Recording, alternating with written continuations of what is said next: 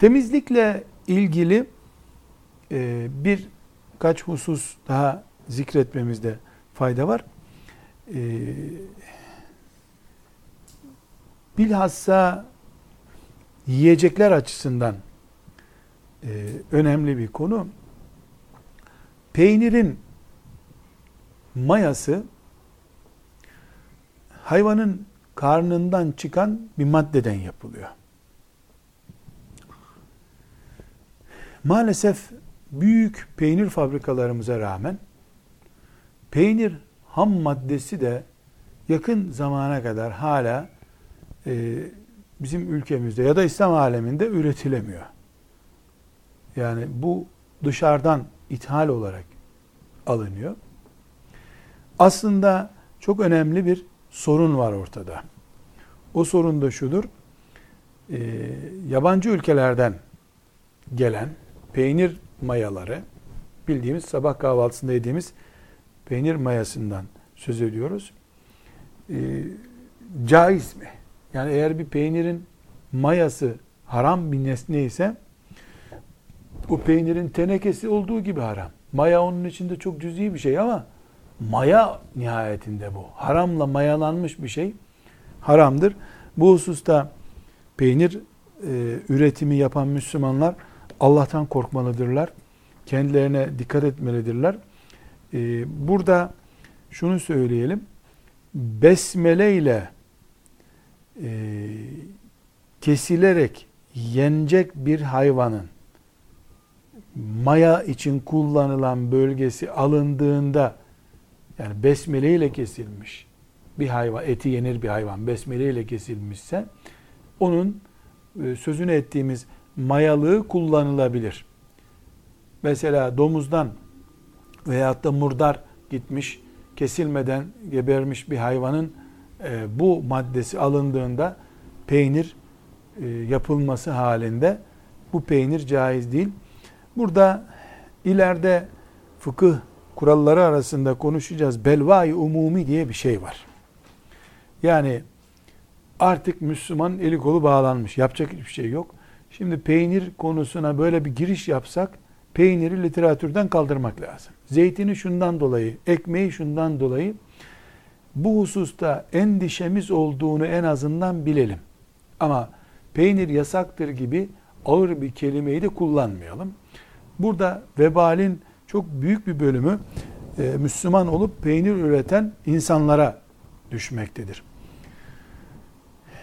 Gıdada önemli sorunlarımız üç başlıkta olabilir. Alkolün dışındaki hayvanlarla bağlantılı şeylerde. Bir, domuz ve domuz müştemilatı, cilatinden e, vesaireye kadar bir sürü malzemede kullanılıyor. Domuz ürünleri, kan belli yerlerde gıda maddesi olarak kullanılıyor. Bilhassa yemde kullanılıyor. Bir de bu peynir meselemiz var. Peynirin mayası için kullanılan ham madde. E, bunların hepsi şu anda sorun olarak bekliyor. E, Müslümanların Allah'ın diniyle hükmeden, haram helali standart olarak alan bir devleti olmadıkça da bu tip sorunların bitmesi mümkün değil. Ben şahsi bir hatıramı anlatayım. Bir peynir üreticisi ki Türkiye'de e, saygın yani büyük üreticilerden birisidir. Pek çok da hayır yapan bir insandır. Bir gün dedim ki sizin mayanız dedim helal olduğuna dair var tabi belgemiz var dedi. Ne var dedim. Size göndereyim dedi. Faksladı. Brezilya'da e, bir dernekten belge almışlar helaldir diye ürünlerimiz. Götürmüşler teneke peyniri koymuşlar önlerine. Helaldir diye Brezilya'daki bir dernekten belge almışlar. Bu dernek Brezilya'daki dernek yani Müslümanlara ait bir dernek değil. Hristiyanlığa mı çalışıyor, neye çalışıyor? Tabi bu 2000 dolar, 3000 dolar ne kadar para veriyorsan veriyorsun. Ya ciddi ya da gayri ciddi bir laboratuvar belgesi veriyor sana. Ee, ve helaldir bu diyor. Ya biz ulu orta bir müftünün fetvası ile bile bir şeye helaldir, haramdır demiyoruz da Brezilya'dan belge getirilir de ona helal denir mi? Maalesef bu konuda bir e, gevşeklik söz konusudur. Her halükarda e, kesinlikle domuz yağı, dönüşümü dönüşümü mümkün değil. Domuz yağı bu. Domuz yağının girdiği nesnelere e, çok dikkat etmemiz lazım. E, çok aşırı bir şekilde ucuz da olduğu için Allah'ın imtihanı gereği Allah bir şeyi yasakladığı zaman e, o yasağın etrafında cazibeler oluşturuyor kullarını sınamak için. Yani bunun en tabii örneği e, köpektir. Köpek mesela e, necis bir hayvandır, pis bir hayvandır fakat bazı yaramaz çocuklardan daha yakın insana. Yani çocuğun babasına yakınlığından bazı yaramaz çocuklar için daha sempatik bir hayvan. Bir kemik için aylarca bir insanın peşinde dolaşıyor, sadık. Ama hikmet ilahi Allah'ta necis yapmış bunu. Bu imtihan gereğidir. İmtihan. Öbür taraftan kediyi e, mubah yapmış, hiçbir şey bulmasa seni tırmalıyor gene. Yani sevmesen de olur beni diye e, bir tavır gösteriyor. Bunların hepsi hikmete binaendir. E, çok da riskli konulardan konuşuyoruz. Burada önemli temizlik konularından biri de daha önce de gündeme getirmiştik. Pislik yiyen hayvanların sorunudur. Pislik yiyen hayvan genelde tavuk, ördek, gaz gibi hayvanlar hemen akla geliyor bunlarla. Fakat başka bir sorun daha var. Şimdi e, bazı yemler, tavuk yemleri mesela mezbahane artıklarından yapılıyor.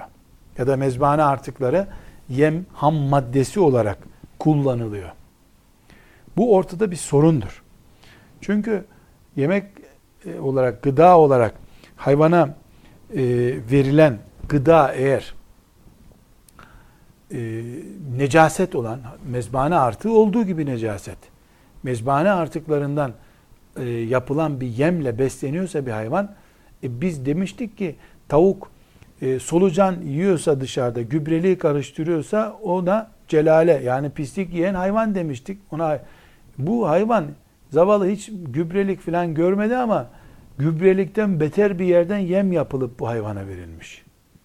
Mesela balıkhaneler genelde bu tip e, yemleri kullanıyorlar. Balı yani bu e, doğal olmayan yöntemlerle işte büyütülen hayvanlara kan, pislik, irin, işkembe gibi pisliklerden yapılan bir ham maddesi bu olan bir gıda veriliyor.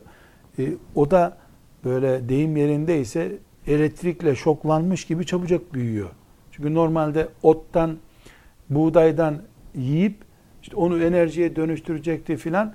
Buğday kadar bir kan ya da bir hayvanın etinden, kemiğinden yiyince o hemen enerjiye dönüşüyor hayvanda herhalde ve çok çabuk büyüyor. İnsanların ekonomik menfaati var tabi. Böyle büyütülen hayvanlar normal büyütülenlerin 3-4 katı daha ucuz oluyor. Neden? Zaman geçmiyor. İşte bir günde iki günde hayvan tanınmaz hale geliyor. Akşamdan sabaha hayvanlar büyüyorlar. Yani en azından bu hususta kerahet vardır. Bu hayvanların e, iç organları, damarları temizlenmeden bu hayvanları kesip yememek lazım ama böyle bir iddiada bulunmak da sıkıntı çünkü balıklar artık böyle satılıyor, tavuklar böyle satılıyor. Yani çok titiz olan birisi belki koklayıp Aa, bu hayvan kokuyor diyecek. E, kokmayanını bulmak neredeyse mümkün olmaz hale gelmiştir. Bir konumuz daha var. Özür sahibi Müslümanlar. Özür sahibi Müslümanlar e, bilhassa abdest konusunda ne yapacaklar sorusunu e, bir kere daha gündeme getirmemiz gerekiyor. Böylece taharet konusunu kapatabileceğiz. Özür sahibi bizim fıkhımızda bir namazdan öbür namaza kadar olan zamanı özürsüz geçiremeyen insan demektir. Hangi namaz? Akşamla yatsı arası. Yatsıyla sabah namazı arası. Özür nedir? Mesela aybaşı halinden sonra kanaması devam eden kadının hali özür halidir. Bu bir namazdan öbür namaza kadar ki en az bir buçuk saattir bu. Ya da öğle vakti ise 3 saattir mesela. Kanaması devam ediyor, bir türlü önleyemiyor. Bu özür sahibi Müslümandır. Aynı şekilde idrar akıntısı oluyor. Bu da özür sahibidir. E, bu e, Müslümanlar özürlü durumdadırlar. Bunlar için ayrıca bir fıkıh e, bilgisi gerekiyor. Demiştik ki özür sahibi Müslüman her namaz vakti için bir abdest alır, başka yapacağı hiçbir şey yoktur. Bilhassa ay başından sonraki istihaze kanında e, bir kere abdest alır her namaz için. Öğlenin ezan okununca bir abdest, kindi ezan okununca bir abdest. O arada e, normal abdesti bozulmadıkça, başka bir nedenle abdesti e, bulun bozulmadığı sürece e, herhangi bir e, değişiklik yapması ya da e, gusül abdesti alması mesela gerekmiyor. Gerekmez. Biiznillahü Teala. Bir başka hususumuz şimdi bugünkü teknolojiyle birkaç kere daha oturup şükretmemiz gerektiren bir incelik bu tabi. Şimdi insanlara bazı hastalıklardan dolayı sonda takılıyor. Yani bir hortum takılıyor. O hortumdan idrarının e, boşalması bekleniyor. Bazen e, başka yerlerden takıyorlar. Bunlar hepsi nimet elhamdülillah. Zehirlenmekten ve yataklarda kıvranıp ölmekten Allah'ın lütfuyla kurtuluyor hastalar. Ee, ama bunun kesinlikle abdestle bir bağlantısı var.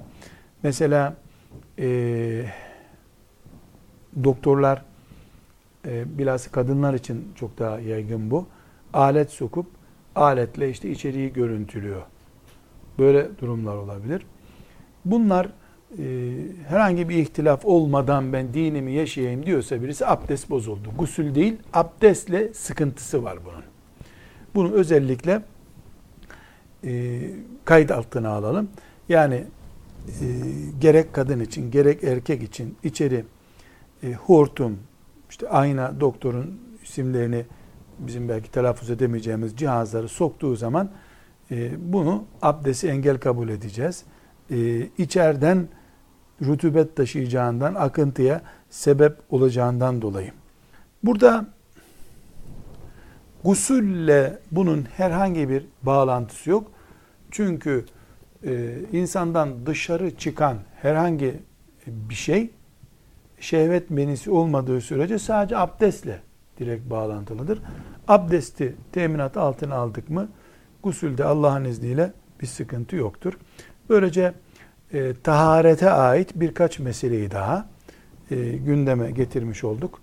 Ve sallallahu ve sellem ala seyyidina Muhammedin ve ala alihi ve sahbihi ecma'in. Elhamdülillahi Rabbil alemin.